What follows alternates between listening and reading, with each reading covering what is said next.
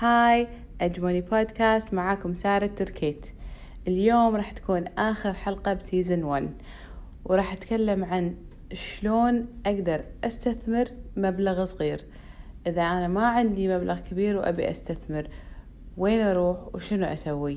ممكن تكون الخطوة الأولى أن تبطلون حساب تداول وتشترون تبدون تشترون أو تسوون research على الشركات وتشترونها اللي موجودة بال market. بس في طريقة ثانية. حق اللي ما عندهم وقت وحق اللي ما يعرفون يسوون محفظة أو يختارون آه، أسهم وحق اللي عندهم مبالغ صغيرة. الحل الثاني راح يكون robo advisory هذا الشيء موجود من فترة وتقدرون تقولون ب 2015 كان ال peak حقه بال developed markets يعني بأمريكا وبال UK آه، أغلب الشركات كانت قاعدة تتكلم عن ال robo advisory شنو يعني؟ هو بكل بساطة عبارة عن platform يعني منصة يسألونكم questions يعني لنفس هالمنصة تسألكم آه، أسئلة تعرف عن شنو التوجه مالكم بالاستثمار. هل أنتم conservative يعني إن تخافون وايد فتبون تحافظون على الفلوس؟ يعني moderate يعني نص نص تبون شوية risk أو aggressive اللي هو تبون risk عالي. فلما تعرف المنصة أو يسألكم ال robo advisor إنه شنو ال goals مالتكم ال financial goals اللي تبون توصلونها وش كثر يعني تحتاجون وقت عشان توصلونها؟ مثلا تقولون أنا أبي أشتري والله آه، شقة برا الكويت بعد عشر سنين. فهذا الجول مالكم. آه ويعرف شنو ال risk tolerance مالكم؟ اللي هو إن أنتم خوافين ولا مو خوافين. وبعدين يعطيكم مثل محفظة اللي هو تتكون من عدة اي إذا تذكرون تكلمنا عن افس من قبل. وهذه المحفظة راح تقدرون تحطون فيها بشكل شهري مبلغ صغير. يعني أغلب ال robo advisors اللي موجودين بال market آه تقدرون تبلشون معاهم ب 150 دينار. يعني إذا minimum ان تستثمرون واستثمار يكون عالمي ب 150 دينار. في شغلة وايد مهمة لما نتكلم عن robo advisors. في شركات آه طورت أو سوت منصات استثمارية. بس ما تكون 100% robo في معناته إن المنصة نفسها في human element. معناته إن في واحد يسوي المحفظة أو تكوينات المحفظة. فهذا يكون hybrid فمعناته إنه يستخدمون robo and human advisor فشنو راح يصير هني؟ راح يكون التكلفة عالية ال fees عالية. الحلو بال robo advisory انه يكون ال fees دائما أقل من 1% أو 1% ليش؟ ما ياخذون عليكم مبلغ كبير بس الشركات اللي فيها hybrid يكون انه في human advisor في واحد يشتغل ويطلع لكم هذا ال advice اللي هو نصيحة لازم يطلعوا راتبة. فشلون يطلعوا راتبة؟ من ال fees اللي اللي يعني ياخذونها منكم. فعشان كذي لازم نركز نركز عدل عدل إنه robo advisory مو hybrid آه، موجودين بال market موجودين بالكويت تقدرون تدشون. مو هو مو كلهم registered بالكويت بس آه، شركات عالمية وتقدرون تستثمرون فيها بما أنكم كويتيين. هذا الشيء ما كان موجود قبل.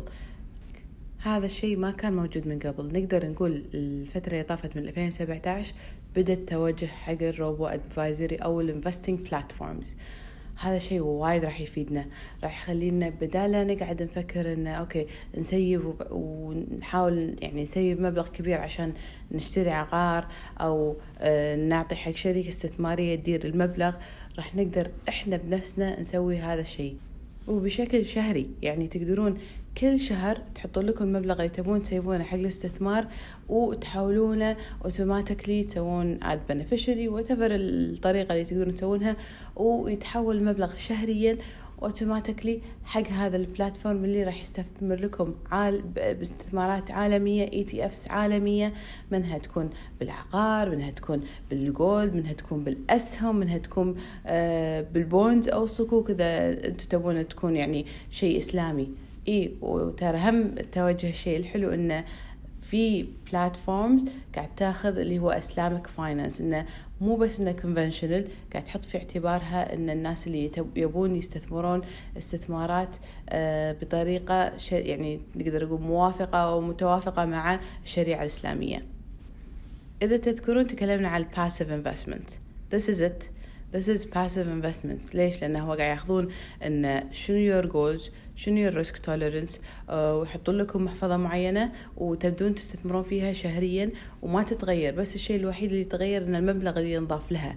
بس ال allocation اللي هو آه، حسبة إن إيش كثر bonds إيش كثر آه، شو اسمه الصكوك أو stocks أو إيش كثر gold ما تتغير أو تتغير بشكل بسيط بس فهذا معناته إنه it's passive investing استثمار you buy and hold ما تقعدون تبيعون وتشترون مو هذا المكان اللي تسحبون منه المبالغ. الأفضل إنه لما تحولون المبلغ تنسونه من مخكم.